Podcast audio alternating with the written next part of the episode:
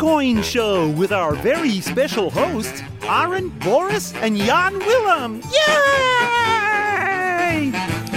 Jee, speciale editie van de Bitcoin Show. Met vandaag niet eh, Aaron, Jan, Willem en Boris. Nee, ik heb een speciale gast. Het is eh, Robert Valentine, van eh, de voorzitter van de Libertarische Partij Nederland. Robert, ik vind het super tof dat je hier bent. niet alleen volg ik je al heel lang op Twitter.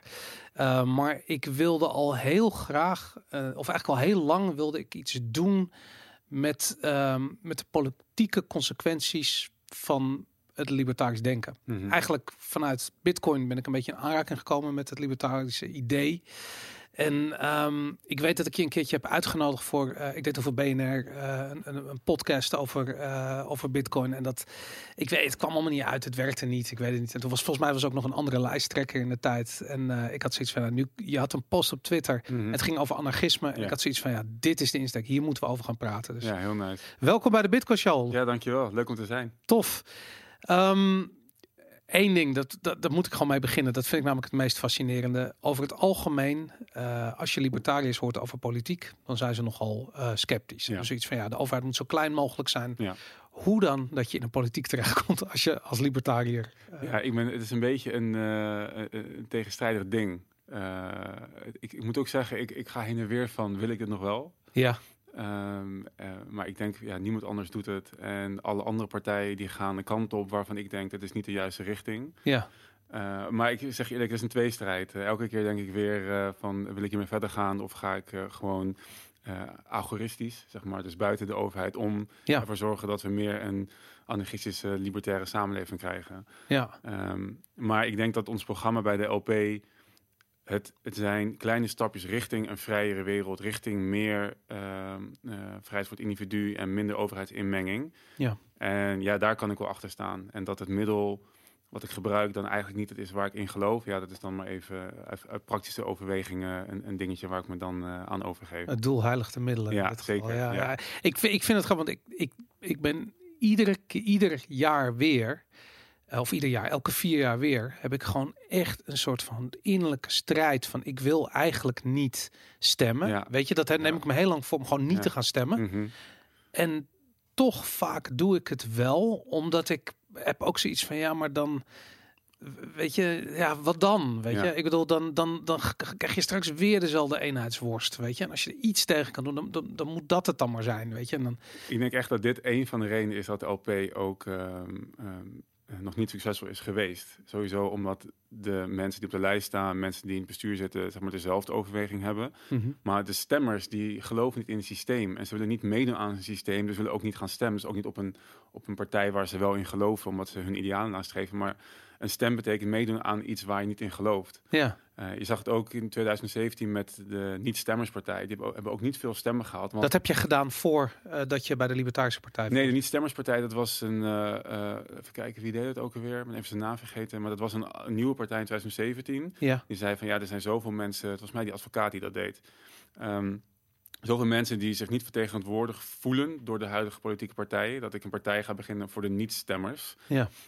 Um, ik dacht al meteen, ja, jij gaat niet redden, want die mensen gaan niet naar de stembus. Ja. Dat hebben wij ook. Ja. Uh, zoals jij zelf ook zegt. Dus ja, dat heel herkenbaar. Ik hoor het heel veel uh, in mijn omgeving. Ja, want wat ik zo interessant vind namelijk is, um, en misschien moeten we daar gelijk al ja, een beetje de, de diepte in gaan, maar wat, wat is uh, wat is een libertariër? Hoe, hoe, hoe staat hij in het leven? Wat is een agorist? Wat, ik bedoel.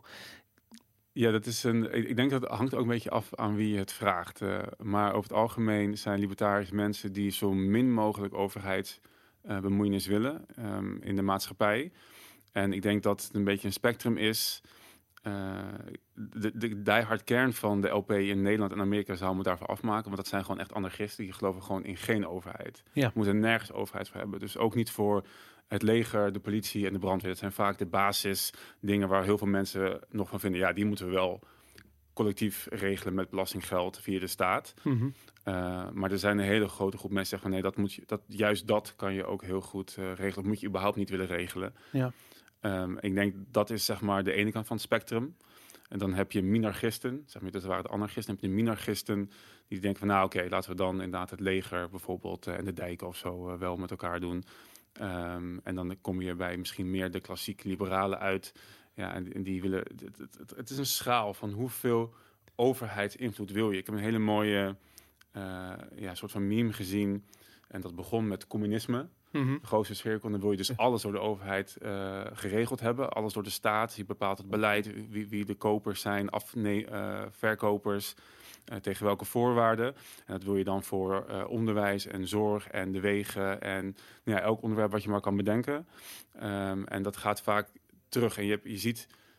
Dus van communisme gaat het naar eh, conservatisme, naar eh, liberalisme, klassiek liberalisme, minarchisme, anarchisme, zeg maar. Dat is een beetje de, Ja. eh, de groep die je hebt. En ja, libertariërs zitten dus in die minarchistische, anarchistische hoek. Ja, dat anarchisme, ik, ik vind het altijd zo interessant. Als ik tegen mensen zeg dat ik een anarchist ben, dan denken ze dat ik met stenen sta te Ja. gooien voor Antifa of zo. Mhm, ja. Waar komt die rare, dat rare, verkeerde beeld van een anarchist van? Misschien kun je uitleggen wat een anarchist is. Ja, ik, ik, weet, ik zie dat ook heel, heel vaak inderdaad. Ehm, ehm, een anar- anarchist is iemand die wil leven zonder heersers. Ehm, men denkt dat anarchisme betekent eh, zonder regels, wetteloosheid, chaos. Eh, terwijl het betekent alleen maar de absentie van de staat. Eh, het gaat uit van een mens die heel goed zelf in staat is om onderling afspraken te maken en er met elkaar op goede voet uit te komen. Ja. Ehm, en je moet alleen eigenlijk iets regelen voor wanneer heb je een conflict over iets. Hoe ga je dat, hoe je dat, hoe ga je dat oplossen? Eh, maar men, ja, men denkt dat een, een sterke scheidsrechter als de staat nodig is, want mensen anders helemaal van God los zijn en elkaar de koppen inslaan. eh. maar volgens mij zijn anarchisten mensen die geloven in een wat positiever mensbeeld, uitgaan van de andere menselijke natuur. Eh, en dat voorop stellen en daaromheen een, eh, eh, een, een, een maatschappelijk systeem willen, willen maken. Het, het zijn bij uitstek de mensen die niet geloven in een maakbare samenleving. Ja, Ehm, omdat je niet mensen kunt dwingen iets te doen wat tegen je natuur ingaat. En wat, is het, wat ik denk ook het mooie is, het, het- de natuur van de mensen is ook dat je graag voor elkaar zorgt. Je wilt uiteraard voor jezelf zorgen, maar ook voor je medemens. En het hoeft niet de hele wereld te zijn, maar in ieder geval je familie, je vrienden, de- de- zoveel als je, als je kan. ja, En ja, anarchisme gaat ervan uit dus dat je, eh, wat ik ook een mooi term vind, is voluntarisme. Dat is eigenlijk eh, aan ingeschakeld da- daarin. En dat houdt in dat je gelooft in een wereld waar alles op vrijwillige basis gebeurt. Mhm. Dus dat je eh, zonder dwang kunt leven. En dat betekent dus dat bijvoorbeeld belasting uit den boze is. Want dat is dwang. eh, dwang. Ja. j- Jij hebt niet, geen toestemming gegeven om een deel van jouw inkomen eh, af te laten nemen. Mhm. Eh, dus een voluntarist die wil eh, geen belasting. eh, je zou alleen maar vrijwillige bijdrage kunnen hebben voor bepaalde publieke doelen. En ik denk dat dat de basis is van anarchisme. Dus wederzijds overeenstemming, elkaar leven en laten leven zonder heersers, met elkaar, eh, eh, Ja. zonder een dwingende overheid. Ja, de, de, de, hoe noem je het? het, het, het de non-violent, Non-agressieprincipe. non-agressieprincipe. Inderdaad, dat idee dat je mekaars eh, bezit respecteert Ja. en mekaars integriteit eh, respecteert. Ja. En het, wat ik, als je, als je daarin verdiept, hè, dus ik, ik, ik weet zeker ook heel veel mensen die nu zitten te kijken, die zullen hier voor het eerst mee in aanraking komen. En die hebben dan allerlei vooroordelen. Ja. Want Wie bouwt dan de wegen? ja, ja precies dat. Ja, Ja. Maar, maar er is geen. Eh, er is, eh, als je hier voor het eerst van hoort, je hebt bijna geen kapstok om, om de nieuwe kennis op te Nee. halen. Dus het, het beklijft ook niet. Nee. Je hebt ook niet een soort van eh, een ingang in een rabbit hole. Denk van, Nee. Oh, als dit kleine beetje, als ik dat interessant vind, dan ga ik daaruit verder leren. Ja, Ehm, hoe, ik heb het idee dat in Amerika heb je inderdaad mensen als Ron Paul die echt dat heel goed gedaan Ja, en vooral als zeker. publiek spreker gewoon heel erg goed is. Rand Paul volgens mij is zijn zoon, dacht ik, Ja. die, die, die dat Senator. stokje, ja, die dat stokje overneemt. Ehm, in Nederland is dat, ik vreemd genoeg, ik vind het bijna raar als je gaat kijken dat er in Nederland het hele ding eigenlijk nooit ter sprake is gekomen, het hele onderwerp, Mhm. terwijl het zo ontzettend Nederlands is. ja. Hoe, hoe- waarom kun je, hoe verklaar je dat? ja ik, het is grappig, want mensen in, in het buitenland eh verbazen zich daar ook altijd over. Ik kom nu tegenwoordig best in veel eh, eh, libertaire kringen. Ja. Ehm, en dan zien mensen het nog steeds als een heel, zeg maar, liberaal land. Ja. Ik zeg, ja, nou, dat is echt al lang niet meer zo. We zijn echt, waar we vroeger inderdaad vooruitstrevend waren met bijvoorbeeld drugsbeleid, zijn we nu echt de laatste. Ik bedoel, Ja. Amerika, daar is dat gewoon, is het echt legaal, zeg maar. En hier doen we nog een beetje door de vingers heen kijken. Ehm, Ja, ik, ik, ik, ik, ik weet niet waar dat vandaan komt. Ik weet niet waar dat beeld vandaan komt. Uh, en ik weet ook niet waarom Nederland in één keer zo is, is, nou, het is, is afgedwaald eigenlijk van de oorsprong van waar, waar, nou, waar eigenlijk de, de grondvesten van Nederland is. Ja, we zijn toch een beetje rebellen zonder overheid, uh, rebelleren tegen Spanje en het zelf doen. Ja. Uh, en dat ook heel lang geweest. Maar ergens is het. Um, ja, ik, angst denk ik of zo. Als ik ook nu kijk, uh, nu, wat er nu allemaal gaande is. Um, ook in mijn omgeving was verbaasd van mensen die uh, vroegen om een harder optreden van de staat aan, aan het begin van de coronacrisis. Uh, ja. um, toen dacht ik van ja, dat kan, alleen angst kan dit met je doen volgens mij. ja. Dus misschien dat, dat we bang zijn geworden in de afgelopen... Of bang zijn gemaakt. Bang zijn gemaakt. Ik bedoel, ja. van de terroristen tot aan Ja. de... Weet ik, ik bedoel, er Mhm. hangt gewoon een angstcultuur. Uh, of eigenlijk meer een, een, een neiging om in te spelen op die angstcultuur in de Mhm. media. Heel erg, weet je. Ik bedoel, en of het nou een grote conspiracy is of dat het gewoon kranten verkoopt. Het, het doet er niet toe. Mhm. Het resultaat is dat iedereen bang gemaakt wordt. Precies. Het ja. is bizar. Hey, en ehm, als je dat, als je, als je, hoe, hoe is dat, hoe is dat voor jou begonnen? Ik bedoel, wat was voor jou die kapstok waar je die eerste verhaal aan kon ophangen? Ehm, Ehm, ja, voor mij was, het, was dat Ron Paul. ik, ik heb, ehm, dat was, ik, ik ben dus, eh, mijn vader is Amerikaan. Ja. Dus ik heb altijd wel een beetje de Amerikaanse politiek gevolgd. En op een gegeven moment ben ik me gaan verbazen over het eh, buitenlandbeleid van de VS. ja, En dat ik dacht van, hoezo is het normaal dat jij denkt dat, dat je andere landen kan platbombarderen en dat de wereld daar beter van wordt? Ik Ja. kon er met mijn hoofd gewoon niet bij. En, en, en niemand vond dat. Iedereen, alles was maar normaal. en Niemand had het erover. En op een gegeven moment kwam ik dus bij Ron Paul uit. De enige die zich ook uitsprak tegen de oorlogen destijds. En dat, is, dat was denk ik 2000. Is dat 10? Nee, eerder denk ik al. 2005 misschien. Ehm, dus toen ben ik op hem gestuurd, omdat hij ook fel tegen die oorlog eh, was en altijd is gebleven ook. eh, tegen elke Ja. oorlog die erna gekomen is ook nog.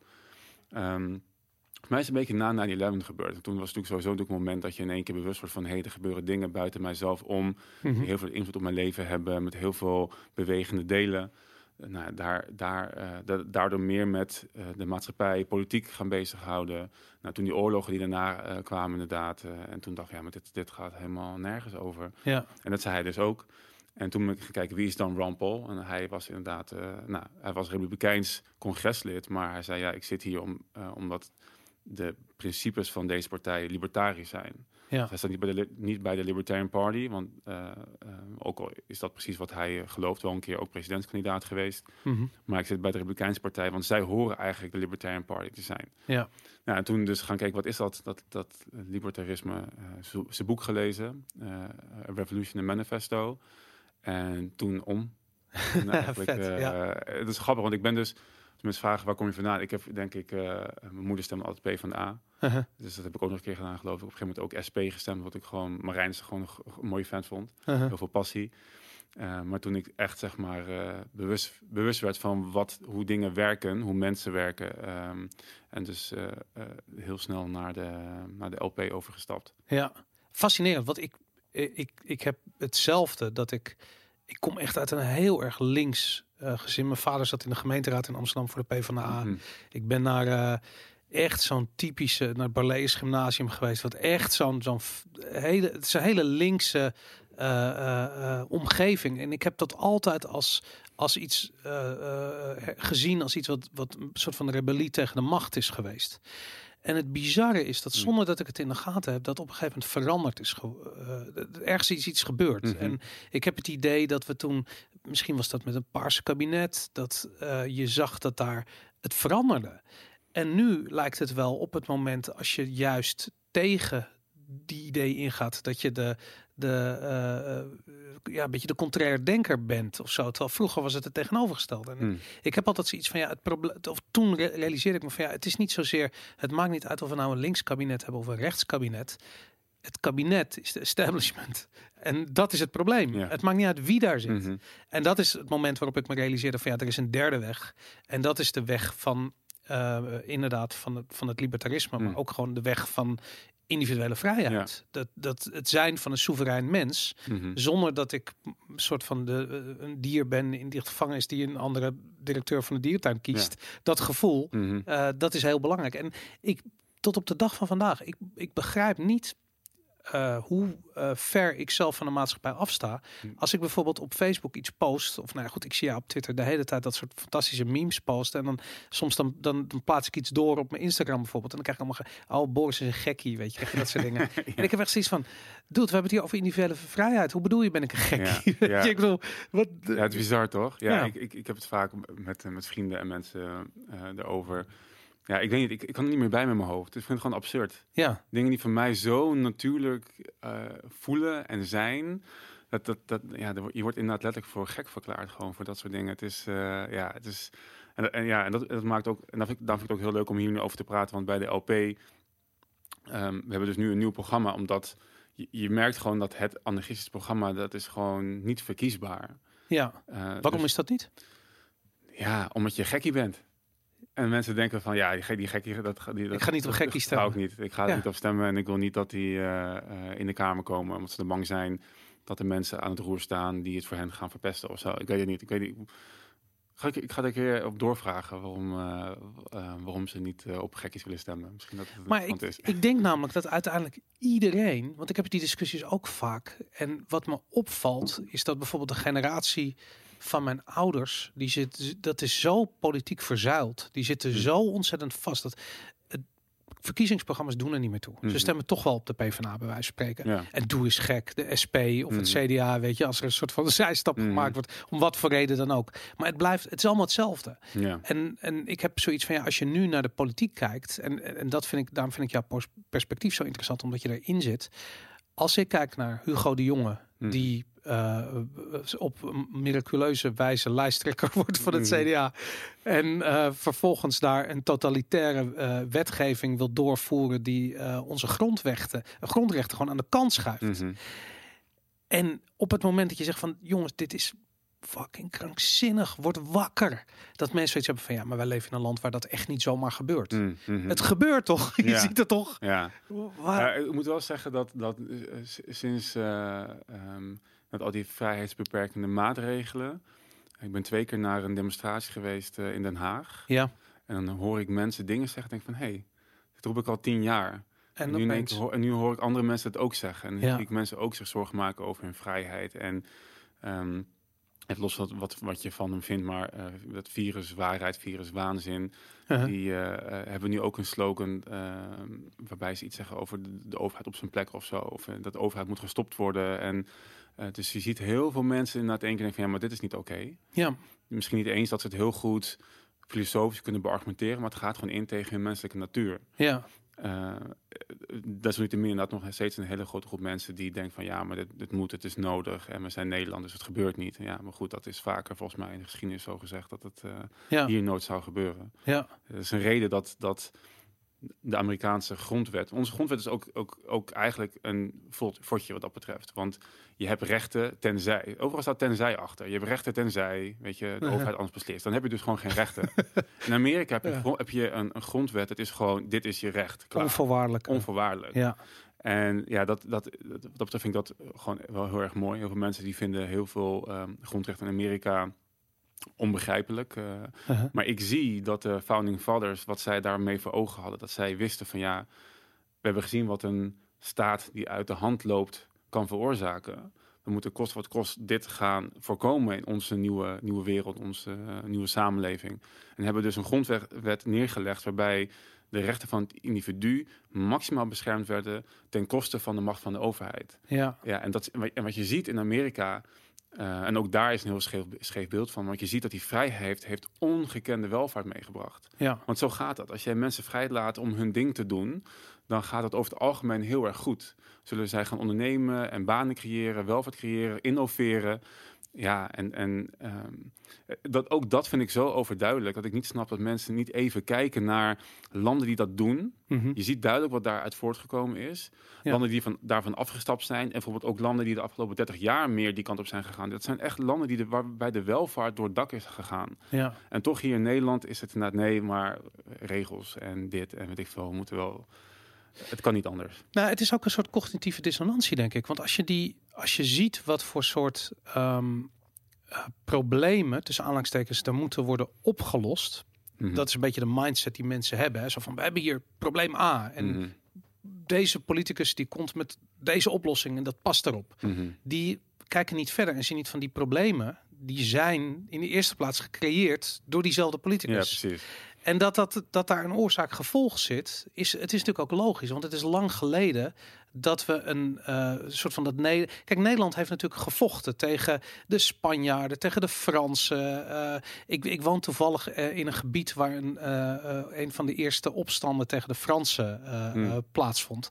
En ehm, eh, die verhalen gaan nog steeds lokaal door. Dat wordt Hmm. nog steeds gereenact door acteurs. Eén keer per jaar Hmm. wordt dat gevierd. Terwijl in Nederland niemand weet meer waar, waar het verstond of waar het vandaan komt. En dat vind ik echt heel interessant. Dat, je, dat, je, dat mensen niet meer de, de historische perspectief hebben. Ja. Waarbij ze zien wat is Nederland nou ooit geweest. Ja. En, en wat heeft ons vrijheid gegeven, soort van, voordat het werd afgepakt weer. Weet je? Ja. Wat, wat Jefferson zei over Amerika, van ik, ik, weet niet wat de exacte quote was, maar iets van ik geef je de, eh, de, de, de, de Constitution eh, of, of, of, iets dergelijks van, maar try to keep it. Of, eh, Hmm. Zo'n soort quote had hij, soort van ik geef je een vrij land, maar probeer het maar te behouden, Ja. vrijheid. Ja, je ziet misschien. Je ziet in Amerika inderdaad, ik vind, vind het mooi wat je zegt dat die geschiedenis dus in, in jouw regio nog bekend is. Want ik denk dat dat heel veel uitmaakt. Ik merk het in Amerika ook. Ehm, ergens zit het in het DNA van het land, zeg maar. Ja, Constitution. Ook al, ook al zie je dat zij dus ook aan het afdwalen zijn. Ook weer onder uh-huh. bankmakerij, stemmingsmakerij, zie je dat natuurlijk dat er heel veel gebeurt. Maar ik voel wel als ik daar ben van ja, maar jullie staan politiek gezien, ook al snappen ze het nog niet helemaal, gewoon zo dicht bij wat ik, wat ik ook geloof. Ja. Eh, en ik denk inderdaad dat inderdaad kennis van de geschiedenis ehm, van, je, van jezelf, van, je, van, het, van de maatschappij, van, het, van een volk, heel belangrijk is. Ik heb in 2014 tijdens de gemeenteraadsverkiezing van Amsterdam eh, maatschappijles gegeven, een soort van gastles over libertarisme. Ja. En ik kon de klok erop gelijk zetten wanneer iemand zijn hand opstak van, maar wie bouwt dan de wegen? Wat je net zei van, we hebben geen haakje meer, zeg maar, om dit denken aan op te hangen, is omdat we in ons onderwijs hier gewoon ehm, niet meer in aanraking komen, zeg maar. Ja. De staat is er, dat is gewoon een gegeven. Ja. En dat die bepaalde dingen doen en dat je daarvoor bepaalde dingen inlevert, eh, dat is een gegeven. De vrijheden die we verworven hebben, zeg maar, hoe dat gekomen is, dat is volgens mij niet het is niet een essentieel onderdeel van ons lespakket. Eh, en ja, en dan, en dan raak je dus inderdaad je geschiedenis kwijt en het belang van vrijheid. eh. Wat, wat, wat antwoord je dan als je die vraag krijgt? Ik weet niet wat ik toen heb geantwoord. Laatst, ik kreeg hem laatst op Facebook weer, toen zei ik ja, de BAM. Er zijn gewoon bouwbedrijven. De overheid bouwt geen wegen. Ja. Het zijn sowieso bouwbedrijven die dat doen. eh. en de eerste wegen, zeg maar, die, de, de eerste wegen, eh ehm, gezamenlijk, publieke wegen, waren ook privaat eh, ondernemingen. Weet je, Ja. het, hele, het hele concept van een bedrijf, van een corporation, van, van, een, van, een, van een BV, is dat je gezamenlijk een publiek doel wil bereiken. Nu, Ja. Mensen zien daar nu vaak een winstoogmerk achter, wat ook zo is. Maar vaak wil je samen iets bereiken wat je in je eentje niet kan doen. Ja, Dijken waren ook, de eerste dijken waren ook allemaal private initiatieven. Zeg maar, het idee van, ja, het hele idee van dat het vanuit de staat moet komen is nonsens. Ze hebben Ja. op een gegeven moment overgenomen. Maar ja, weet je, iedereen, niemand wil water in zijn achtertuin elke dag. Dus dan ga je op een gegeven moment samen wel iets bedenken om dat eh, te stoppen. Ja, tuurlijk. Ik vind het eh, interessant omdat ehm, in mijn idee, namelijk, kijk, wat ik vaak zie als je naar politiek kijkt, eh, dan is er een, eh, wat ik zei, er wordt een soort probleem gedefinieerd en dan komt er iemand met een oplossing. hè. En eh, sommige mensen zijn heel goed om die oplossingen aan te dragen. Weet je, ik bedoel, voorbeelden genoeg in de geschiedenis Mhm. van iemand die op zeker één bepaald punt soort van doorstoomt en het goed doet in de peilingen, Mhm. whatever. Dat is dan één ding. En ik heb zoiets van, het, het, het probleem zit hem niet in één ding. Het probleem is zo ontzettend breed. Het- Holistisch, ja. ja, het is heel holistisch. Mhm. En het is, het is hoe onze samenleving is samengesteld. En ik, ik had altijd zoiets van, ja, wat, wat brengt, wat, wat hebben die problemen nou allemaal gemeen met elkaar? En voor mij is het persoonlijke verantwoordelijkheid. Hm. Dat werd een beetje de, eh, het antwoord op die vraag. Want of je het nou over onderwijs hebt, of je het nou over, de, over, over inrichting hebt van je leefgebied, over het aanleggen van die weg, of het zijn van politieagenten, whatever. Het is persoonlijke verantwoordelijkheid. Iets wat vroeger, bij wijze van spreken, vanzelfsprekend was. Want wie deed het anders? Mhm. Dat is nu weggegaan. Mensen geven de verantwoordelijkheid voor hun gezondheid uit handen. Mhm. eh, eerst aan artsen en tegenwoordig aan politici. Mhm. Wat helemaal krankzinnig is. Want dat weet een politicus in godsnaam van hoe jij je veilig moet houden. Eh, en dat zie je ook in de belachelijke regelgeving die er vervolgens rondom corona ontstaat. Ehm, maar ook met onderwijs, daar heb ik het ook mee. Van, van weet je, wij hebben hier, eh, we, hebben, we hebben geen leerplicht, we hebben schoolplicht. Juist. Ja, ik bedoel, ik vind het fantastisch als mensen dingen leren. Ik, Mhm. Sterker nog, ik heb precies, dat is natuurlijk mensen leren. Dat is wat ze doen. Kinderen leren. Mhm. Die doen de hele dag niets anders dan leren. Mhm. Waarom moet je die dat leren eh, in een bepaald in, in bepaalde banen leiden. Dat is raar. Mhm. En ik, ja, weet je, ik, dan, dan opeens zie je dat in Nederland thuisonderwijs bijvoorbeeld niet kan. Ja. Dat is heftig. Mhm. Dat, ja, hoe, hoe, hoe begin je dan aan, aan de onmogelijke taak om ten eerste Nederland op te voeden, Mhm. iedereen uit te leggen eh, wat de persoonlijke verantwoordelijkheid is en wat de gevolgen daarvan zijn als je ervoor kiest. En vervolgens ook nog een soort van een toekomstbeeld schetsen van als we dit met z'n allen gaan doen, dan eh, wat er in het vooruitzicht ligt, dat zijn tijdperken als de Belle Époque bijvoorbeeld, weet je, waarin er geen oorlogen waren, waarin er eh, technologische en artistieke soort van gigantische ontwikkelingen werden doorgemaakt. Hoe, hoe, hoe zie je dat? Ja, hele goede vraag. Lastig. ik vind het heel moeilijk. Ja, het is, het is een van de manieren waar ik het nu mee probeer, is dus via de politiek. Ja. Ehm, en net zei je van ja, ehm, ehm, eh, het is een soort van. Eh, je hebt het over de verzuiling en zeg maar dat mensen stemmen wat, ehm, nou, wat ze eigenlijk, eigenlijk altijd al gestemd hebben. Dat is een psychologisch ding. Weet je, je hebt eh, commitment en consistency. Dat is gewoon een psychologische term Ja. in de overtuigwereld van mensen die ergens eindelijk, uiteindelijk al aan toe hebben gegeven, zullen daar heel, heel slecht van afstappen, omdat ze daar gewoon, ze hebben het, ze hebben het aan zichzelf al verkocht. Ja, Ehm dus een van de dingen, het, is, het gaat ook niet op ratio, denk ik. Zeg maar, politiek is echt geen rationeel eh, Uh-huh. vak. Het Nee. gaat over overtuigen en beïnvloeden. En ja, dat, dat moet je. Ik denk dat dat is dus een weg. Kunnen we, kunnen we mensen. ehm, ik denk wat je moet doen is mensen triggeren op een, op een oppervlakkige manier. En met één onderwerp of één punt zien van ja, maar hier zijn we het mij over eens dat het niet zo hoort en dat het anders kan, dat het beter kan als er meer vrijheid is, als we daar meer verantwoordelijk zelf eh innemen in plaats van aan de overheid eh, eh, weggeven. Mhm. Ehm, want wat ik merk, en dat is dus ook weer die commitment en consistency, als mensen het e- eenmaal dan daarop zijn verkocht, dan zijn ze geneigd om andere punten ook te gaan onderzoeken en te gaan bekijken. En, maar het is een heel geleid proces, maar ook inderdaad heel lastig, helemaal in, in de politiek, omdat je, ehm, ik heb een keer in het handboek van de LP US gelezen dat men is geloof ik zeven minuten per, was het nou per maand of per, per jaar bezig met politiek. ja. Dat doe, ik, dat doe ik in een uur, zeg maar, makkelijk. Ja, tuurlijk. ehm, dus dat is de tijd die je hebt, zeg maar, om mensen te overtuigen om, om, om bij jou te stemmen of voor je, jouw idealen te kiezen. Dus je kan niet een heel, je kan ze geen David Friedman, Milton Friedman, Hayek gaan geven of Mises, Uh-huh. zeg maar van ja, jongens, kijk, als je dit leest, dan weet ik zeker dat je stapt dat het anders moet. Eh, dat werkt gewoon niet. Dus je moet een, eh, een gelikte campagne hebben eh, waarbij je mensen triggert en aanspreekt en van hey, hier voel ik iets voor.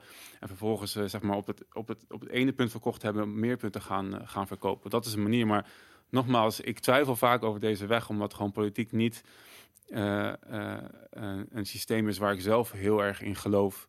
Eh, maar meer nu een beetje vanuit noodzaak ook, ook doe, inmiddels alweer een hele tijd. Maar ik denk inderdaad de manier, de algoritmische manier, zeg maar, eh, ehm, via Bitcoin, weet je, dus zet gewoon alternatieven op. Dat is algoritme. Algoritme is dus dat je ehm, gelooft in, in, in nou, je bent, bent anarchist, vol- voluntarist, en je wil verandering teweeg brengen, maar je gelooft niet dat het gebeurt door middel van de huidige geëikte paden. Mhm. Dus je gaat gewoon iets anders opzetten daarnaast. Weet je, eh seasteading, heb je ook vast wel over gehoord, landsteading, dat je gewoon je eigen maatschappij gaat starten met een booreiland of een booreiland, echt Ja. in de zee, eigen regels eh, maken. Ehm, in Amerika heb je dat ook natuurlijk gezien bij eh, New Hampshire, de Free State Project. En waarbij mensen even kunnen, we gaan allemaal naar New Hampshire, Ja. van de meest vrije staten van, of misschien wel de vrijste staat van Amerika wellicht. Eh daar heb je allemaal indexen voor, van die meten hoeveel belastingvrijheid, regelvrijheid, regeldrukvrijheid je hebt. New Hampshire scoort daar heel hoog in, misschien wel bovenaan. Eh, mensen komen gewoon allemaal daarheen. En Ja. als we daarheen gaan, dan kunnen wij zeg maar, de regels naar onze hand zetten. Kunnen wij onze eigen alternatieve maatschappij creëren. Dus dat zijn, dat zijn wat een heel groot deel binnen zeg maar, libertar eh, mensen binnen het libertarisme willen doen. Ja. En gewoon alternatieven bedenken. Die willen vrij zijn, die Willen zoeken vrij zijn. structuur. Dus Ja. we gaan gewoon, dus ik ben niet eens met de banken, Bitcoin, weet je. We- Ja. de banken hebben te veel macht, die zijn centraal, te centraal gestuurd. We gaan een, zelf een technologisch alternatief bedenken, Bitcoin. Zo is Bitcoin Ja. eh, min of meer ontstaan, zeg maar. Dus dat, eh, en dat, dat heb je op meer plekken. En dat, daarom is, eh, is, is Bitcoin en de blockchain natuurlijk super interessant, omdat je, eh, het is in de natuur gewoon decentraal. Ja. Je hebt geen heersers. Het is allemaal community-based. Ja. Dus als je daar bepaalde eh, ehm, eh, concepten op kunt bouwen, zoals na het geld met Bitcoin, ja. En het is ongrijpbaar voor de overheid. Dus controle is heel lastig. En dat maakt dus het ideaal als alternatief. En dan ja, uh, dat hè. Ik bedoel, voordat we verder gaan over Bitcoin, Ja. want dat, de- ik bedoel, dat is natuurlijk de grote olifant in de kamer op dit ogenblik, Mhm. zeker in, de- ik bedoel, in, in de wereld. Maar ehm, dat de overheid niet kan controleren, veel mensen schrikken daarvan. Die Mhm. hebben dan zoiets van, maar wie, zij hebben toch de verantwoordelijkheid voor onze veiligheid. Als zij Mhm. niet kunnen controleren, hoe ben ik dan veilig? Mhm. En een goed voorbeeld vond ik een, ehm, eh, dat was eh, de, niet de voorganger, maar daarvoor de voorzitter van de Libertarische Partij, die op een gegeven moment vrij openlijk, eh, Twan Manders volgens mij, die was vrij openlijk over dat hij eh, tegenstander was van het betalen van belasting. En dat werd direct geframed als van hij is een belastingontduiker, hij is een crimineel. Ja. Terwijl wat hij bedoelde is van de vanzelfsprekendheid waarmee mensen belasting betalen, zou niet zo vanzelfsprekend moeten zijn. Want dan kun je voorwaarden stellen. Ik bedoel, als jij iets koopt, je geeft iemand geld, dan verwacht je een bepaalde dienst terug. Mhm. Op dit ogenblik is het, je betaalt gewoon je belasting. Je ziet het geld niet eens, het wordt direct eh, ingehouden. Eh, en inderdaad, en je moet maar eh, hopen dat het enigszins goed... Ik bedoel, als de Albert Heijn dat zou doen, Mhm. elke dag bij wijze of elke maand bij wijze van spreken, duizend euro zou inhouden op je salaris en dan maar hopen dat de boodschappen enigszins oké zijn Ja. die je krijgt. Daar zou niemand mee akkoord gaan. Nee. En dat is wel de situatie die we met de, met de overheid hebben op dit ogenblik. ja. En in plaats van dat hij dat punt maakt, was hij zich eigenlijk constant aan het verdedigen tegen de beschuldigingen eh, die heel uitgesproken waren. Van je bent een crimineel, je Ja, bent een belastingontduiker. Asociaal. Ja. asociaal. Fred Grapperhaus, eh inderdaad. Maar, Mm. maar dat, dat, eh, dat vind ik ehm, fascinerend. Want ehm, ik heb het idee, toen ik dat zag, had ik zoiets van... deze hele beweging gaat nooit over dit punt heen komen.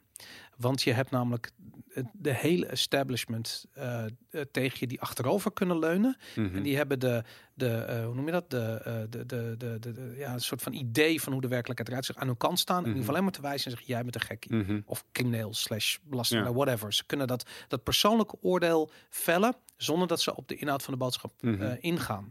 En dat, ja, dat is gewoon, dat zien we nu ook aan de discussies die in de maatschappij gevoerd worden. Zodra je als gekkie wordt bestempeld of pakken met ander label, maakt niet uit. Maar de boodschap gaat op dat ogenblik verloren. Mhm. Dus ik zag ze toen ze dat deden, dat ik zoiets van ja, dit, dit is zinloos. Dit Mhm. is een zinloze weg. Ja. Ja, ja, precies. Ja, dat, dat, dat zou kunnen. Ik denk ook dat je... En dat is dus ook het hele probleem wat ik dus bij- binnen de LP afgelopen jaren heb geprobeerd, zeg maar, kenbaar te maken. Ja, we gaan het op die ratio niet winnen, want dit gebeurt de hele tijd. Ja, Dus je moet eigenlijk een sterker... Want dat is gewoon een frame. Een gek is gewoon een frame. ja, Weet je, Trump is natuurlijk eh, koning in frames en die gebruikt het ook heel effectief. ja. Eh was altijd een outsider, even los van wat, je, van wat je van hem vindt. Dat doet hij echt heel, heel scherp. Mhm. Ehm, de LP heeft zich nooit zeg maar, van dat soort tactieken bediend. ja. En daarom dus denk ik ook nooit echt een, een kans gehad. Ja, wil je, wil je echt meedoen? En dat is dus de vraag. ehm, wil je als eh, libertariër meedoen met het politieke spel? En dan moet je dus ook diezelfde instrumenten gaan gebruiken om, ja. Om de massa te bereiken eh, en te beïnvloeden. En uiteindelijk dan hopelijk als je de aandacht hebt, zeg maar, wel met die inhoud te kunnen overtuigen. Maar er zijn hele, ik heb letterlijk een week of twee geleden nog een hele discussie gehad. Kreeg ik dus een hoofdstuk van David Friedman, dus de zoon Uh-huh. van Milton Friedman. Die heeft een boek geschreven, The Machinery of Freedom. Ja. En daar beschrijft hij dus een hele anarchistische wereld in, zeg maar, van hoe zou het werken zon- zonder overheid. En ik kreeg dus een hoofdstuk doorgestuurd over hoe hij de rol van de Libertarian Party ziet in Amerika. En ik heb, hem- ik heb hem trouwens ontmoet een paar jaar geleden en die discussie ook met hem gevoerd van hoe zie jij dat? Eh, omdat die discussie altijd gaande is binnen de, de libertarische wereld. En hij zei van ja, de, de, de Libertarian Party moet een, eigenlijk zegt hij, een getuigenispartij zijn. Dus je moet nooit voor politieke winst willen gaan. Het enige wat je moet doen is het politieke platform gebruiken om jouw standpunten kenbaar te maken. ja. En te laten weten, dit is wat wij voor staan. Uh-huh. En zo eigenlijk eh, het liefst heel veel bekendheid krijgen en op die manier andere partijen beïnvloeden. En hij stelt in zijn boek dat de Socialist Party in Amerika dat heel succesvol heeft gedaan. ja. En zelf nooit echt enige vorm van politieke macht heeft gehad. Ja. Maar wel de Democratic Party zo heeft beïnvloed, zoals je misschien nu ook wel kan zien. Ja. Dat zij heel erg naar links zijn opgeschoven. Heel erg richting, richting socialisme, communisme. Oh, dat was trouwens de Communist Party. Niet, was het dan Communist of Socialist Party? Ik weet niet meer, één van de twee. Mhm. Maar je ziet dus dat zij heel erg die kant zijn opgeschoven. En dat, hij zegt dat is eigenlijk de functie die je moet hebben als Libertarian Party. Ja. Zorg ervoor dat je platform gebruikt om eh, aandacht te, te genereren en uiteindelijk andere partijen jouw kant op te trekken. Ja. En, eh, maar zelf moet je niet willen, eh, macht willen hebben, want het plusje dat gaat toch alleen maar corrumperen. Macht corrumpeert, ook voor libertariërs. Dus jij moet Ja. niet willen gaan zitten, niet mee willen doen en niet, met, niet die spelletjes meespelen. Ja. Ja, daar, daar ben ik het helemaal mee eens. Want ik heb zoiets van de, de mooiste rol die je kan hebben als je in de Tweede Kamer zit, is gewoon al die onzin aan de kaak te stellen. Mhm. en, de, en op het moment dat je, laat ik zeggen, de oppositierol is de mooiste rol die Ja. er is, denk ik. Mhm. En dat is ook gelijk wat me nu zo irriteert op dit ogenblik, dat de oppositie geen oppositie Nee. is. Pas nu heb ik het idee dat er, ik bedoel, de traditionele oppositiepartijen, daar hoor je niks, daar hoor je sowieso niks van. Die zijn gewoon aangesloten bij, bij het officiële verhaal. Mhm. En dan heb je inderdaad vanuit Forum en we- weet ik veel, PVV, en misschien Partij voor de Dieren, hoor je dan, ja, god, die beginnen dat nu een beetje te adopteren, weet je. Dan heb ik zoiets van, hé, weet je, maar heb je daar een half jaar voor Ja, nodig om wakker precies, te worden? ja.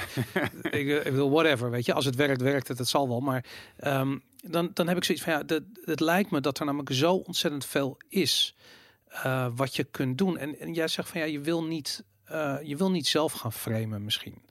Maar er is wel degelijk een probleem met het feit dat Nederland, eh, of eh, Nederland, ik zeg Nederland, dat Rutte eh, in zijn partijprogramma zegt van nee, we gaan geen overheidssteun, dat gaat er meer naar Zuid-Europa. Mhm. Om vervolgens naar Brussel te gaan en zijn handtekening te zetten Ja, onder 800 precies. miljoen. Die even. Ik wil daar, dat, ik bedoel, sorry, het spijt me, maar dan ben je een leugenaar Ja. als je dat doet. Ja. En waarom hoor ik niemand in de Tweede Kamer zeggen dat Rutte een leugenaar Mhm. is? Dat is toch raar? Mhm. Terwijl hij dat is. Ik zie het. Ik zie, de, ik zie wat hij doet. En hetzelfde met, ehm, met Hugo de Jonge. Ik, ik weet het niet. Maar wat hij, ik bedoel, wat er met Grapperhaus gebeurd is, vind ik eigenlijk, ik vind het hilarisch. Mhm. Omdat het een schoolvoorbeeld is van een mentaliteit die waarschijnlijk gemeen goed is eh, eh, in, in de Tweede Kamer. Dat is namelijk, je doet A en, en of je zegt A en je doet B. Ja. En dit, ik, ik heb zoiets van, ja, dat kun je zo mooi aan de kaak stellen. En er is bijna niemand die het doet. Nee. Nee, ik denk inderdaad, ik zou echt het heerlijk vinden om volgend jaar in de Tweede Kamer te zitten, inderdaad, en dit soort dingen continu te kunnen. Vier jaar lang dit soort voor mij, zeg maar, overduidelijke absurditeiten gewoon aan kunnen kaarten. inderdaad. En ik denk dus ook dat dat, ehm, ik denk ook dat er twee fases zijn voor de LP. Dus inderdaad de fase, zeg maar, richting de Tweede Kamer. Ik denk dat, ik denk dat we dan ons wel van bepaalde tactieken zullen moeten eh, gaan, eh, eh, weet je, die eigen moeten gaan maken, die moeten gaan, gaan. Gaan beoefenen, omdat je anders gewoon niet, eh, niet, niet daar komt. Ja. Eh, maar als je me- eenmaal daar zit, ja, dan wordt het een feest volgens mij. In de zin van je kan gewoon, je hebt een platform vier jaar lang waarbij je dit soort dingen kan gaan aankaarten, continu. Ja, En ja, ik denk, ik denk, dat, ook, ik denk ook dat we daarna best eh, groot kunnen worden. Op het moment dat mensen echt gaan zien van, oh, wacht even. ja. Want je hebt dan een positie van autoriteit en weet je, je wordt gezien. Dus dan, ja, dan, kan het, dan kan het snel gaan. Ik denk dat er nog een ding is waardoor eh, jullie heel groot kunnen worden. En dat is dat andere onderwerp, Bitcoin. Ehm, ik zie om me heen. Ik bedoel, ik heb heel veel contact met Bitcoiners. Ik word vaak gemaild en ik krijg berichtjes. Mensen hebben vragen. En die, vragen beginnen vaak van: eh, wat is Bitcoin dan? Of, waar koop je dat? Hoe moet je het opslaan? Weet ik wat. Dat soort hele simpele vragen. En dan zie je altijd dat na, na een paar maanden of na een half jaar of na een jaar. En de ene is sneller dan de ander. Dan komen die, die wat meer fundamentelere vragen. Van wat is geld eigenlijk? Mm, Weet je? En mhm. eh, die schaarste van Bitcoin, dat is wel interessant. Weet je, dan krijg je dat soort, dat soort, soort van, ja, er beginnen wat zaadjes geplant te worden, dat mensen na te beginnen te denken over wat de rol van geld in onze samenleving eigenlijk is. En ik denk dat in een verder fase eh, eh, gaan mensen eh, zich erin verdiepen en misschien wel Hayek en Hm. eh, ehm, eh, eh, Mises lezen en, en daar echt leren wat de rol van geld zou moeten zijn. Mhm. Ehm, en ik zie, ik denk dat we nu in Nederland, volgens mij, het is niet helemaal duidelijk, maar we hebben er ergens de 100 en 400.000 mensen die Bitcoin slash crypto bezitten. Hm. Ik wil een onderscheid maken tussen Bitcoin en crypto. Daar is een groot verschil. Maar voor het gemak veeg ik ze even op één, eh, op één hoop. Ehm, het interessante is dat die adoptie gedreven wordt door prijs. En dan komt natuurlijk straks weer een, een of andere bull market aan. En dan gaat die prijs weer door het dak. En dat betekent dat er weer heel veel nieuwe bitcoiners bijkomen. Die bij, bij allemaal dat zaadje wordt geplant. Waar die allemaal gaan nadenken over van, wat is geld dan? Weet je, en als bitcoin, als het dat zoveel waard is, waarom is een tientje dan zo? Wat, wat geeft het die waarde? En die mensen Mhm. beginnen wakker te worden. Mhm. Ehm, is, is dat niet een, een soort gigantisch verkiezingsthema waar je eh, ja, eigenlijk die golf kunt meesurfen? Ja, interessant. Ja, ik heb ik heb, we hebben daar tijdens ehm, de voorbereidingen van de, campagne afgelopen tijd ook wel over nagedacht. Ook over moeten we, eh, ja, we noemen het wel niche standpunten, zeg maar, meer op de website zetten. We zijn natuurlijk nu een beetje meer gegaan richting hoe andere partijen het ook doen. Dus de grote thema's benoemd en die ja, toch wel heel anders belicht dan die partijen dat doen. Mhm. Uh, maar crypto is bijvoorbeeld niet een onderdeel opnieuw op de website. Terwijl Ja. natuurlijk, uh, als er een partij is die daar iets over moet vinden, dan zijn wij dat uh, wel. Ja. Eh, maar ook interessant het aantal mensen wat het bezit. En ik, ik, heb me nooit, ik was nooit bewust van wat jij nu schetst over het proces wat bij die mensen dus gebeurt. Van, want, want, ik heb het andersom gehad. Ik was zeg maar eerst, ik zat in de wereld al en toen mm kwam ik tegen, liep ik tegen Bitcoin en, en crypto aan, blockchain. Ehm, maar het kan dus ook andersom inderdaad. Uh, ja, wellicht wel. Ik heb daar nooit heel goed over nagedacht. Uh, maar het klinkt heel interessant om daar uh, meer, meer mee te doen. Ik, ik, denk dat het, waar het met goud nooit gelukt is... om mm. dat soort van massa-adoptie voor elkaar te krijgen... dan denk mm -hmm. ik dat dat ja, met bitcoin als vanzelfsprekend gaat gebeuren. Omdat het zo makkelijk is namelijk. Mm. En de voordelen zo, zo duidelijk zijn. Maar het lijkt, wat mij zo tof lijkt daaraan... is dat... Um, als je het hebt over uh, belastingen. Ik bedoel, uh, de meeste mensen hebben een, een, baan of een, een soort inkomen. En daar gaat automatisch elke maand gaat er de belasting. Je ziet dat geld eigenlijk niet. Weet je, ik bedoel, je krijgt wel je, je misschien je, je overzichtje en daar staat in wat je betaald hebt. Maar ja, het is geld wat je niet gehad hebt. Het is heel abstract allemaal. Mm -hmm. Maar het interessante is als je bijvoorbeeld in Nederland, we hebben belasting uh, in, in, in box 3. Hè? Ik bedoel, een soort vermogensbelasting. Mm -hmm als je dat in euro's zou betalen, ja goed, we hebben inflatie, die is best wel heftig en die is waarschijnlijk nog veel heftiger dan dat de CPI aangeeft, maar mm -hmm. uh, voor het gemak is hij is hij is hij, is hij, is hij heftig. Um, mensen zien dus niet wat er opgaat. Maar op het moment dat je bijvoorbeeld bitcoin hebt en je hebt één bitcoin en je moet aan het eind van het jaar uh, op 1 januari dan, dan zeg je van nou ik heb één mm. bitcoin en die is een mhm. bepaalde hoeveelheid geld waard in euro's. En vervolgens moet je dus wat van die bitcoin gaan verkopen. Mm -hmm. Voor wat? Mm -hmm. Voor wie? En wat gebeurt er met dat geld? En dan opeens zie je van hé, hey, maar ik heb iets en nu heb ik iets minder. Mm Waarom? Weet Mm. je? En sterker nog, je betaalt nu, weet, ik wel, dat je zegt dat je 2% van die bitcoin moet verkopen om die belasting te betalen. Uh, die 2% gaat heel veel meer waard worden ten opzichte van die euro. Want die euro, dat, dat, dat, dat, wordt, maar, dat wordt kapot geprint, Mhm. bij wijze van spreken. Dus mensen beginnen dat proces te doorzien. En daarvan heb ik zoiets van, dat is, dat is een ijzersterke Ja. leerschool. Dat is echt heel... Ja, het, is, het is heel mooi dat je het schetst, want dat is vaak als mensen me vragen van wat voor een eh, beleid zou je doorvoeren, zeg maar. Als je één beleidsmaatregel zou kunnen doorvoeren, gewoon zonder dat je gekozen bent, gewoon nu alle direct, dan zou ik er inderdaad voor kiezen dat mensen eh, geen belasting meer betalen vooraf, maar dat je gewoon aan het eind van het jaar een factuur krijgt van oké, dit is wat je verdiend hebt, Ja. graag even aftikken. Ja. Ik denk dat het duurt een, een jaar max, zeg maar. en dan is het, het hele systeem is dan veranderd. Ja, mensen uiteindelijk gaan inzien wat ze afdragen aan de staat elke keer van inkomen, ja, dat, dan, dan zijn ze zo om. Maar nu je dit zegt inderdaad, van bij, bij Bitcoin is dat zo, omdat mensen natuurlijk zelf dan eh, hun, hun vermogen moeten opgeven en inderdaad die belasting erover moeten betalen. Ja, Dus ja, ja interessant. Ook weer niet bij stilgestaan, maar goed punt. eh, maar, maar wat, waarom ik dit gesprek zo interessant vind. Ik heb namelijk eh, eigenlijk die leerschool van, weet je, ik had Mises niet gelezen totdat een bitcoin hem human action gaf, bij Hmm. wijze van spreken. Weet je, ik had, ik wist niks van Hayek, weet je, bij wijze van spreken. En er zijn zulke goede boeken geschreven over de rol van geld in de vrije markt. En ik, ik ben die boeken gaan lezen en libertariër geworden, maar het is begonnen bij bitcoin. Mm. Mm. En ik, ik, ik, ik heb echt heel erg het idee dat als ik dan. Ik, ik deed ooit deed ik de aanname van oh, alle libertariërs zullen bitcoin wel begrijpen. En dat was totaal niet zo. Het waren eerder mensen die bijvoorbeeld wel goud eh, eh, tof vonden, omdat dat natuurlijk historisch gezien een beetje vrijheid vertegenwoordigt natuurlijk. Mhm. Ehm, en niks ten nadele van ga- goud. Goud is fantastisch. En mensen die daarmee bezig zijn, die snappen de beginselen van wat vrijheid is. Maar ehm, bij Bitcoin heb ik zoiets van ja, omdat het zo. Het, het, het verspreidt zich, het- het netwerkeffect is zoals dat op social media is. Bij wijze van spreken. Ik bedoel, Twitter groeit niet, eh, of groeide niet eh, eh, geleidelijk. Dat ging exponentieel. Mm. Facebook hetzelfde. Hive daarvoor bij ons. En, en al die platformen, YouTube hetzelfde. Dat, dat groeit exponentieel. Mhm. Bitcoin gaat ook exponentieel groeien. Mm. Omdat je dat netwerkeffect hebt, dat gebruik maakt van die digitale techniek, van de sociale infrastructuur die digitaal is. Versus ja, dat je mensen moet laten zien wat goud is. En gewoon lastig, lastig, lastig. Weet je, ik bedoel. Bitcoin verkoopt zichzelf in die zin. Ja. Dat, eh, Ja.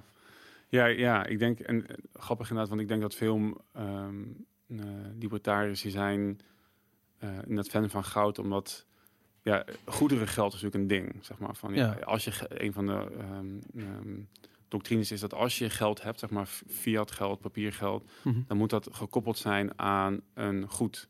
Ja. En goud is daarbij de meest eh, bekende, maar het kan ook zilver zijn. Of het zouden in principe ook iPhones kunnen zijn als je Apple bent. Apple zou in principe zijn eigen geld kunnen uitgeven en zeggen van ja, voor één Apple Note krijg je een iPhone, weet ik veel wat. Even, Ja. even heel ehm ehm, ver gezocht. eh, maar het goedere geld houdt gewoon in dat je papiergeld hebt wat gedekt is door een bepaald goed. Uh, en en um, wat, ik, wat denk ik ook een heel goed systeem is. En waar, waar, waarom ook heel veel mensen in de, in de libertaire wereld, zeg maar, uh, dat, dat goud en dat soort dingen aanhangen. Uh, maar goud heeft natuurlijk op zichzelf ook niet echt een functie of waarde. Het is schaars. Als je lacht, lacht het naar je terug. Ja, heel waardevol. Dat, dat, is wat ze zeggen. Dan. Maar goed, ik zou het niet weten. Maar, maar ik snap wat je bedoelt. Maar dat, dat verschil, ja, ik, ik, volgens mij zegt Mises dat het verschil tussen uh, geld en valuta. Dus je hebt geld is de, zijn de goederen. Mm -hmm. En de Mhm. valuta is de, uh, uh, de briefjes Mm. die uh, gebaseerd Ja. zijn op Mm. die goederen die je dus ergens in je Ja. kluis hebt liggen, bij Mhm. wijze van spreken. Mm. En heel slim hebben ze dat gedaan. Maar bankiers en centrale bankiers Mm. vandaag de dag, die hebben die twee dingen gewoon een beetje hetzelfde. Ja, precies. Dat, Ja, dat goud, dat hebben we en dat komt allemaal wel goed, maak je geen zorgen. Weet je, het is allemaal hetzelfde. Maar wat het natuurlijk totaal niet is. Nee. Maar, dat, uh, maar inderdaad, dat, dat ehm, zie je die. ehm, ik, ik moet zeggen, ik, ik moet heel erg lachen als ik de, uh, de, het wakker worden van Nederland gaat staan. Vooral onder jongeren. Dus Mhm. Ik zie Lange Frans, die begint een Mhm. YouTube kanaal. Wat is het, zes weken geleden. Die, die, dat gaat helemaal door het dak. 100.000 volgers, 300.000 views op een video. En ik heb zoiets van, dit is fantastisch. Het zijn Mhm. allemaal mensen die wakker worden, Ja. weet je. Hoe krijg je die mensen allemaal soort van naar de Libertarische Partij? Hoe krijg je die mensen zo ver dat ze agoristen worden, dat ze wakker worden, dat ze snappen dat individuele vrijheid begint bij hun eigen verantwoordelijkheid nemen? Ja, ik denk dat, dat wij gewoon eerst uh, we moeten meer zichtbaar worden. Zeg maar. Dat is ook waar we de afgelopen tijd over nagedacht hebben. Um, ook de transitie waar de partij in heeft gezeten. Van gaan we dus wel serieus de politiek en campagne voeren of gaan we uh, dat niet doen en blijven toch een beetje uh, zeg maar filosofische zaken roepen. Mm -hmm. Um, dus we zijn nu echt bezig om een serieuze campagne op te zetten richting de Tweede Kamer. En ook nu helemaal denk ik, deze tijd is, is wat dat betreft ideaal. Ja. Um, dat in de zin van, het is eigenlijk verre van ideaal, maar dat maakt het ideaal, zeg maar. Het is natuurlijk heel vervelend wat allemaal gebeurt en wat we, dat onze vrijheden zo worden, worden afgenomen. Maar het is wel precies waar wij altijd van zeggen van dit mag niet en kan niet gebeuren. Ja. En nu zie je heel veel mensen inderdaad, inderdaad uh, Lange Frans, kijk ik ook inderdaad, uh, This is a Boy J natuurlijk, die heel, heel populair hilarisch, is. hilarisch inderdaad. Uh, maar ook Duitse Kroes, die natuurlijk op een gegeven moment zei van jongens, wat gebeurt hier nou met al deze ja. maatregelen? Um, dus ik denk dat dit, dit, de voedingsbodem is nu heel rijk. En ik denk dat wij moeten laten zien van wij gaan nu serieus hiermee aan de slag. En wij, uh, uh, wij gaan volgend jaar gewoon de Kamer in. En, en, en dat kan als wij heel zichtbaar zijn. Ja. En dan is het, ik merk het namelijk ook bij mensen die zeg maar niet echt uh, libertarisch zijn Mhm. mm -hmm. bij de partij komen. Ja.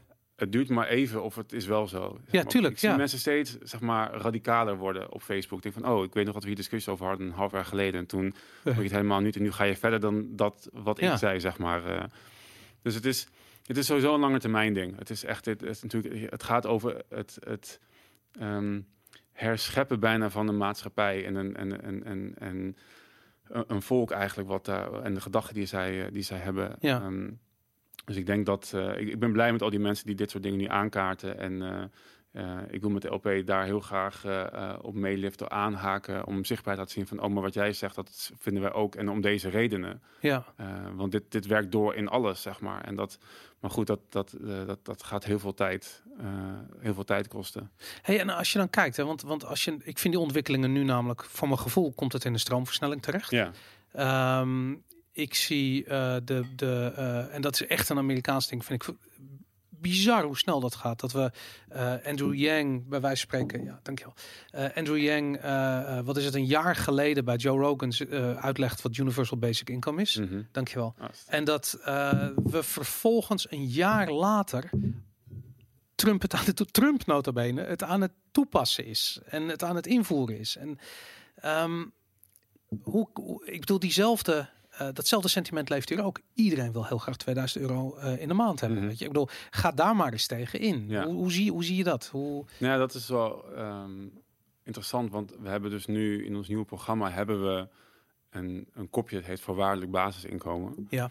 Uh, het klinkt natuurlijk heel erg, dat krijg ik altijd te horen van iedereen. Dat is totaal niet libertair en het is communistisch. En, maar dat terwijl um, Milton Friedman heeft gezegd, het gaat natuurlijk om de toepassing. En mensen lezen alleen maar koppen en kijken niet verder. Zeg maar. Uh -huh. dus daarom, heb ik, daarom heb ik het ook voorwaardelijk basisinkomen laten noemen. Omdat ik weet dat de meeste mensen dat heel fijn vinden. Ja. Uh, en alleen maar koppen lezen. Ja. Maar als je goed leest, dan staat erin dat dat op basis is van een negatieve inkomstenbelasting. En wat Milton Friedman heeft gezegd van ja, ik geloof dus niet in, in sociale zekerheid vanuit de staat. Ja. Uh, want hij vindt zoals alle libertariërs, anarchisten, sociale zekerheid komt vanuit de mens zelf. Vanuit mensen die voor elkaar zorgen, vanuit kerken, stichtingen, verenigingen, allerlei soorten instanties die dat met elkaar, zeg maar, filantropisch proberen op te lossen. Ja. Maar hij zegt, als je dan toch een uh, een vorm van sociale zekerheid we hebben van overheidswegen, dan moet dat een negatieve inkomstenbelasting zijn. Want daar zit, zitten de minste ook uh, uh, ogen en haken aan. Ja. Want je zegt gewoon, oké, jij hebt een bepaald inkomen, dat vullen wij aan tot dit niveau. En, Mhm. dat, en dat mag je zelf weten hoe je dat besteedt aan iets. en ik denk als je kijkt naar wat we nu hebben, met natuurlijk een, een waslijst aan regelingen um, op zowel rijksniveau als lokaal niveau, die voor een heel groot deel hun doel missen of niet eens aankomen, niet, niet goed worden gebruikt.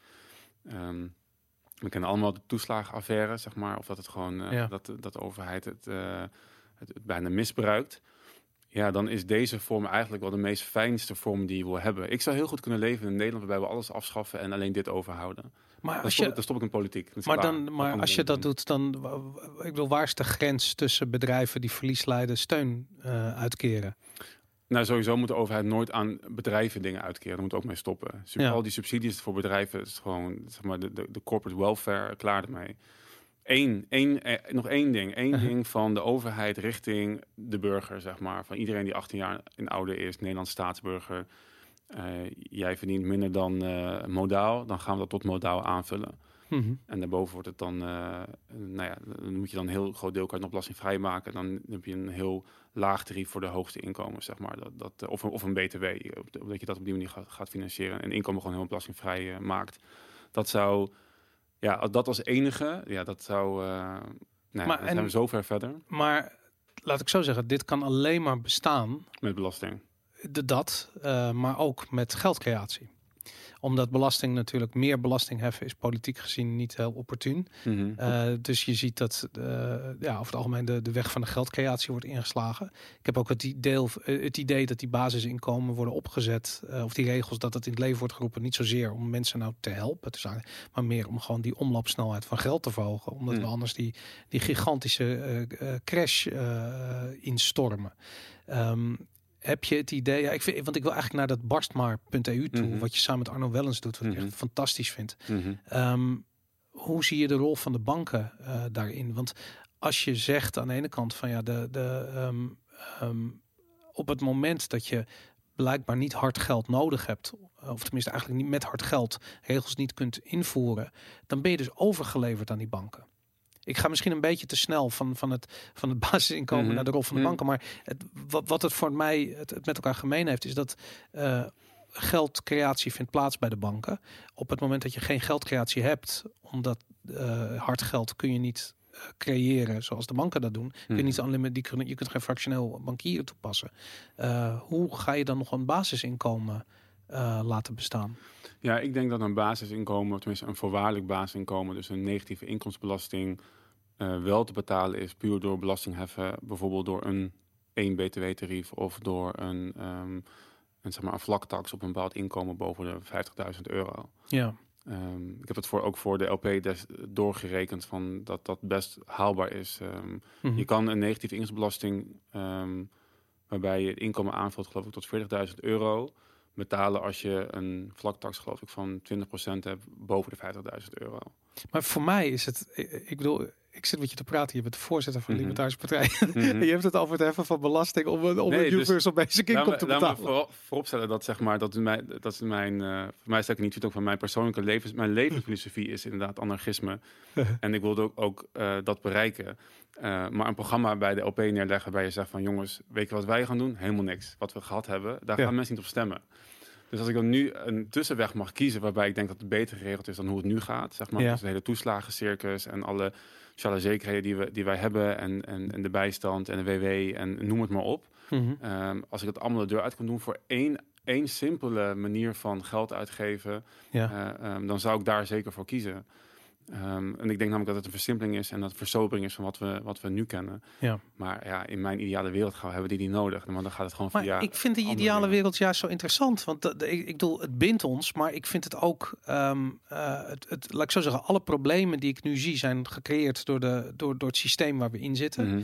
En in mijn ogen, ik bedoel, die, je hebt die meme, Bitcoin fixes this. En dat is, Mm. dat, ik bedoel, het is, een, het is natuurlijk veel te kort door de bocht. Maar het hele idee dat als we terugkeren naar een hard geldstandaard, dat je Mhm. veel van de problemen, vooral sociale problemen, die we nu zien, die mensen overigens niet zien, want dat Mhm. vind ik zo interessant. Ik bedoel, als je naar deze tijd kijkt, ik bedoel, de rellen en, en, en het eh, plunderen in Amerika van mensen die eh, gelijkheid, ik bedoel, als die mensen zouden weten hoe het geldsysteem zou werken, dan zouden ze bij de Federal Reserve de bank eh, de ramen staan in te gooien, en niet Mhm. bij ondernemers in de straat. Mhm. En dat, dat, dat voor mij is dat mind-blowing. Dat mensen dat blijkbaar. Ik bedoel, we hebben het over mensen die afgestudeerd zijn, die niet weten wat geld is. Mhm. Niet weten hoe geld gecreëerd wordt. Niet weten eh, hoe geldcreatie leidt tot eh, inkomensongelijkheid. En ik heb zoiets van ja, dit, dit, is een, eh, dit, is, dit is een verhaal dat moet worden uitgelegd. Mhm. Weet je, op het moment dat Europa bij, bij ECB dat de money printer eh, aangaat en we allemaal dat gezoom horen, de brrr horen, van dat, dat, dat, dat, dat we weten van hey, het duurt niet lang voordat we ook hier een toename in inkomensongelijkheid hebben. Want de mensen die profiteren, het zijn de mensen die de assets in bezit hebben, Ja. die, die, die, die profiteren bij het opblazen van die bubbel, Mhm. het antilon effect. Mhm. Ik bedoel dat eh, ik heb zoiets van misschien als politieke partij. Ik zit, ik zit het in te vullen voor, maar mensen moeten geëducated worden. Mhm. Dat is de reden waarom ik podcast ben gaan maken. Omdat ik Mhm. van, ja, ik wil graag dat mensen snappen hoe dat werkt, hoe dat proces in elkaar zit. Ja. En, en ik denk dat dat op het moment dat mensen dat beginnen te begrijpen, zullen ze vertrouwen gaan krijgen in de mensen die die informatie komen. Omdat het echte, eerlijke informatie die teruggaat naar de kern van wat Mhm. een mens is. Ja, ik vind, ik vind dat dus heel, heel moeilijk. Ik, ehm, ik denk inderdaad dat mensen dat moeten, zouden moeten leren. Maar ik weet dus ook niet of, de polit- of een politieke partij daar het beste vehikel voor is. Op dit moment in ieder geval. Zeg maar in de Ja. Tweede Kamer, wederom als we verkozen zijn, is dat een ander moment. Maar nu ben je een politieke partij, val je in dat spectrum en heb je zeven minuten tijd per, volgens mij was het per jaar, zeg maar, om mensen te overtuigen van, hey, stem op mij. Ja, Dus we zijn echt zoveel bezig met campagnes en bijvoorbeeld een, een animatiefilmpje van een paar minuten, dat betekent een script van 70 woorden. ja, Ja, daar kan ik niet in uitleggen hoe dat werkt met, eh, met geld. nee. Dat kan ik wel in meer woorden doen, maar dan eh, dat wordt het ook een langer filmpje. Heb je trouwens hele goede filmpjes over Money is Dead, zeg maar. Een animatiefilm, hoe dat, hoe dat eh, ontstaan is en hoe dat werkt. Ray Dalio, How the, how the Economic Machine Works. Hoe heet die? How the Economic Machine Works. Niet. video op YouTube, fantastisch. Ja, dus dat, dus dat, ik denk ook dat dit soort dingen...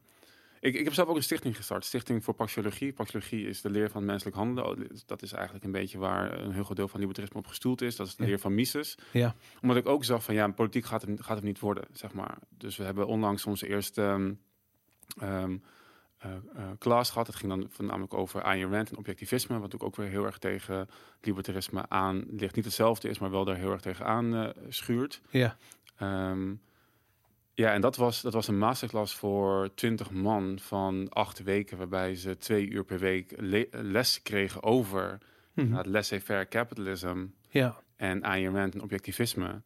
En wat ik zei van, ik kom dus tegenwoordig in heel veel netwerken. En dat, dat, dat, dat zijn netwerken van denktanks. Mhm. In Nederland is het eigenlijk best apart in. Ik heb die, ik heb die denktank gestart in Nederland omdat ik heb- zag dat de rest van de wereld heeft talloze denktanks. Waarbij Ja. ze inderdaad mensen onderwijzen ja, via allerlei soorten manieren. En, ehm, en Nederland kent er eigenlijk geen. Alle denktanks in Nederland zijn allemaal overheid gefinancierd, allemaal pro-overheid, allemaal gaan allemaal uit van de overheid. Dat was een grappig ding. Stemwijzen ook zo. Elk jaar heb ik, elke verkiezingsronde heb ik weer problemen met die stemwijzen. Want ze zeggen alleen maar, wil je dat de overheid dit doet of wil je dat de overheid dit doet? Nee, ik wil dat de overheid niks doet. Elke, elke keer weer een crime om die dingen in te vullen. ja, Maar eh, het, het onderwijzen, dat wordt lastig denk ik voor een politieke partij. En ik denk dat we meer denktanks moeten hebben in Nederland. Meer organisaties, meer journalisten, meer media, meer mensen die inderdaad echt op het onderwijzen gaan zitten. Ik geloof Ja. dat dat... Ik geloof inderdaad dat dat ook misschien van de, een van de redenen is dat Nederland zo is afgegleden Mhm. eh, ten aanzien van andere landen. Want in Amerika heb je er honderden. ja, In Engeland heb je de- zelfs de oudste. Ik vind het ook een briljant verhaal trouwens van ehm, ehm, Anthony Fisher. Anthony Fisher die eh, leefde in, eh, in, in in Londen eh, net na de Tweede Wereldoorlog. Mhm. En die zag daar dus ook gebeuren dat zijn klassiek liberale land afgleed richting Labour. En hij zegt, ja, maar dit is niet hoe dit land groot geworden is. Dit is niet wat de bedoeling is. Dit is slecht. Mhm. En ehm, hij had toen Hayek gelezen. En die Hayek leefde toen nog gewoon. Ja. En ehm, hij, is toen, eh, hij dacht van oké, ik, ga, ik ga een politieke partij beginnen. Ik ga een politieke, partij- politieke partij beginnen. Ik ga, en ik ga even met Hayek afspreken. En ik ga vertellen van ik ga een partij beginnen op jouw idealen. Ja. Dus hij met, met Hayek afgesproken en dat eh, gezegd. En Hayek zegt ja, dat is echt een heel slecht idee. dat is echt slecht, ja. Want eh, politici zijn als kurk op water.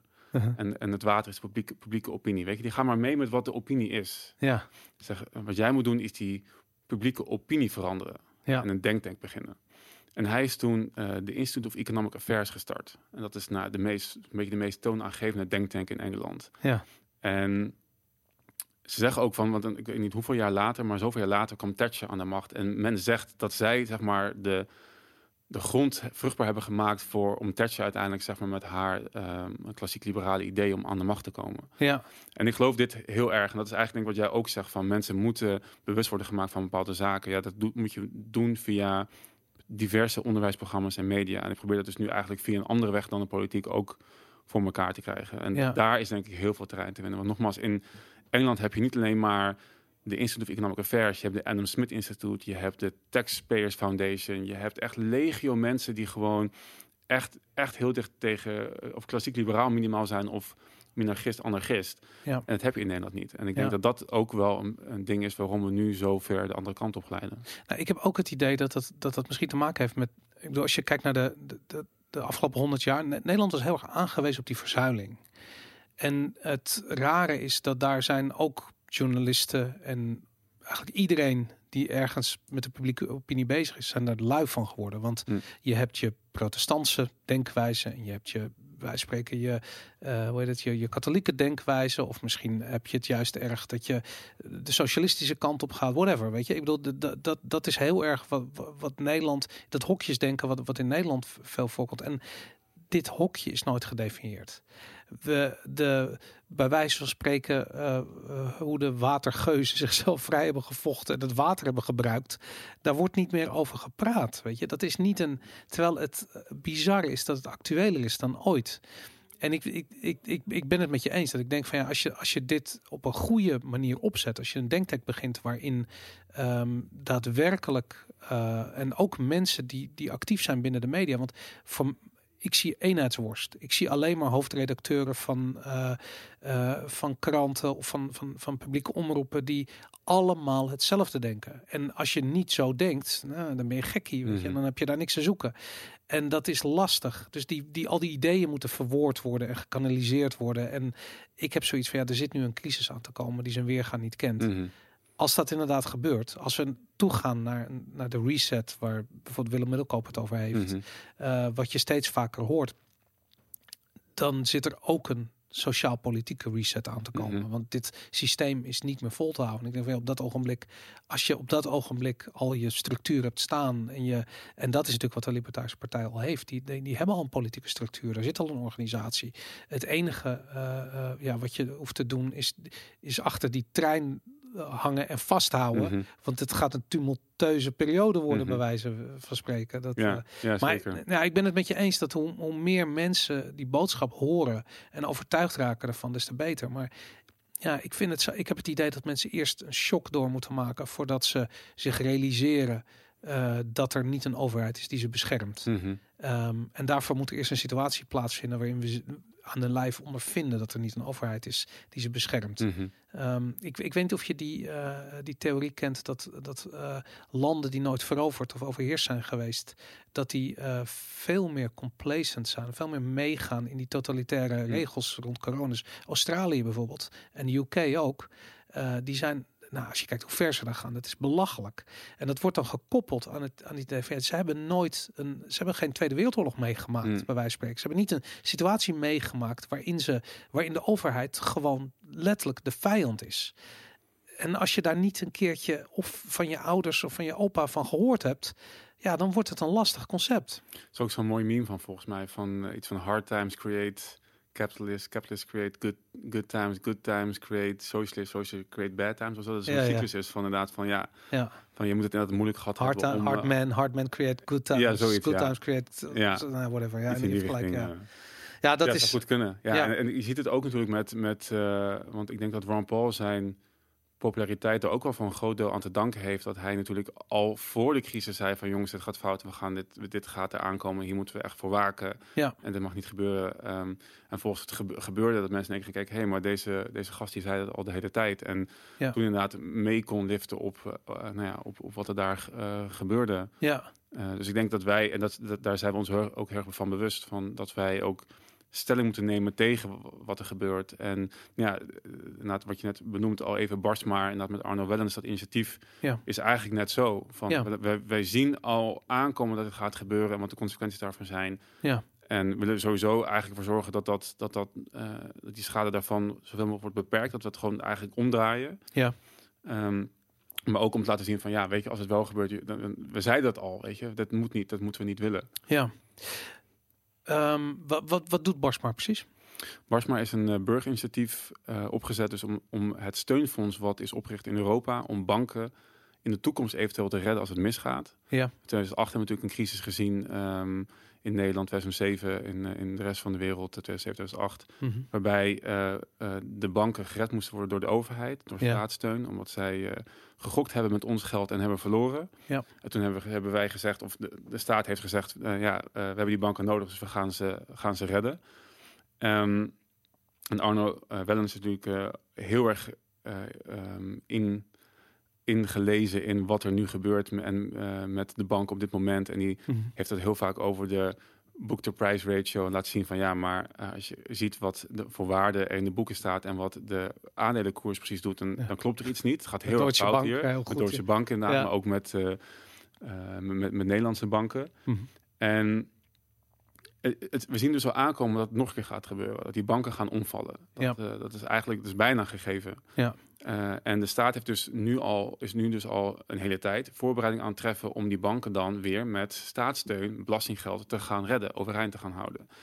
En wij zeggen, ja, maar dat, dan leren ze het nooit. Ja. En dan ga je dus continu meer staatsgeld, meer geld bijdrukken, meer problemen veroorzaken. Ja. Die cyclus moeten we doorbreken. Ja. We moeten daar nu allemaal bewust van worden dat dit gebeurt, dat dit op de achtergrond uh, al een tijdje speelt. En Mhm. eigenlijk totaal geen rugbaarheid aan wordt gegeven. We willen Ja. rugbaarheid aan geven. Eigenlijk wat je zegt, een beetje die, um, die opvoeding, die, die, die, die kennisdeling, die uh, bewustmaking zeg maar, bij mensen teweeg brengt van hé, hey, maar dit is nu wat er, uh, wat, er, wat er gaande is. Ja. En we willen dus 40.000 handtekeningen ophalen, zodat wij dit idee van uh, um, dat, dat fonds kunnen stoppen en mogen verkondigen in de Tweede Kamer, in de financiële commissie, maar ook in de Tweede Kamer zelf, -huh. als ze dat toestaan. De vraag is nog maar of ze dat, of, of dat ons dat toelaten, zeg maar. Ja. Um, uh, maar we willen in ieder geval in de Tweede Kamer ons punt maken van jongens, je gaat niet weer dezelfde maken in 2008. Uh, je gaat weer gigantische schulden opstapelen. Je gaat weer meer belasting moeten heffen om dit te kunnen betalen. Uh, je kan beter ervoor zorgen dat als men de fout in gaat als bank, dat zij zelf moeten bloeden. Ja. Red niet de bankiers en de aandeelhouders, red de spaarders en de mensen die geld hebben staan. Uh, en zorg ervoor dat zij voelen wat het betekent als jij gokt en verliest. Ja. Uh, dat, dat, uh, want zo creëer je dus zeggen we moral, moral hazard. Ja. En je ziet dus heel goed dat in Zweden hebben ze dat, uh, hebben ze dat niet gedaan. Ze hebben niet banken gered toen het misging in 2008. En dat is nu de best presterende bank van Europa. Je ziet dat zij hebben van oké, okay, maar zij weten nu als ik het verpest, dan Ja. is de staat er niet om mij te redden. Dus daar hebben ze toen misgaat, hebben ze inderdaad zeg maar, uh, het faillissement zo geregeld dat de aandeelhouders uh, geen geld krijgen. Want je hebt als bank altijd nog wel wat vermogen. Uh -huh. En dat vermogen wat er was, dat ging richting de, ja, de, de kleine man, zeg maar. Ja, uh, ja dat, dat moet je hier ook doen. Dat hebben ze niet in IJsland ook zoiets gedaan? Waar ze de bankiers letterlijk ja, de bak in hebben gegooid? Die hebben ze ook opgesloten inderdaad. Ja, ja. inderdaad. En terecht. Zo hoort dat, het. Maar dat is, je, je, je Oplichters horen daar in de gevangenis. Ja, absoluut. En, Hey, en uh, als ik een. Uh, um, uh, want wat ik er niet aan begreep aan de, aan de insteek van, van, van Barsmar was dat Nederland heeft al lang en breed de garantie afgegeven. Dat ja. ze, of staat al garant Mhm. mm -hmm. voor de Europese bankensector voor een bepaald gedeelte, 750 miljoen of zoiets. Mm -hmm. Ook van Arno Wellens over zijn. Ja. Ik bedoel, hij is, hij is al bazig met dit soort. Er is bijna niemand anders die Nee. zo in. de menselijke rekenmachine. Inderdaad, ja. Maar hoe, wordt dat terug? Zie je dat teruggedraaid worden nog? Zie je dat? dat is, is daar een. Nee, ik, het wordt lastig. Ik, uh, ik denk niet. We, we, kunnen denk ervoor zorgen, dat zeiden we ook eh, in de laatste podcast met Arno inderdaad, van wij zouden liefst niks willen, natuurlijk 0 euro. En nou, Ja. 750 miljoen, dat is eigenlijk al een gegeven. Uh-huh. Maar de kans dat het meer wordt, want Arno zegt ja, dat is niet genoeg uiteindelijk, Ja, dat, die is ook nog aanwezig. Dus laten we er minimaal voor zorgen dat het niet meer wordt. ja, Ja, en het is natuurlijk een, een natte droom om dat helemaal naar nul te krijgen, maar dat, eh, Ja. laat- dat, dat, nou ja, dat eh, wordt moeilijk. Laten we in ieder geval die schade zoveel mogelijk beperken en niet meer dan de toezegging die in, in ieder geval nu al gedaan is, eh, niet meer verhogen. ja. Nou, dat snap ik inderdaad. Ik hoop dat het... eh, wat, wat hebben jullie nog? Handtekeningen, toch? Ja. Eh, het is een petitie in eerste instantie.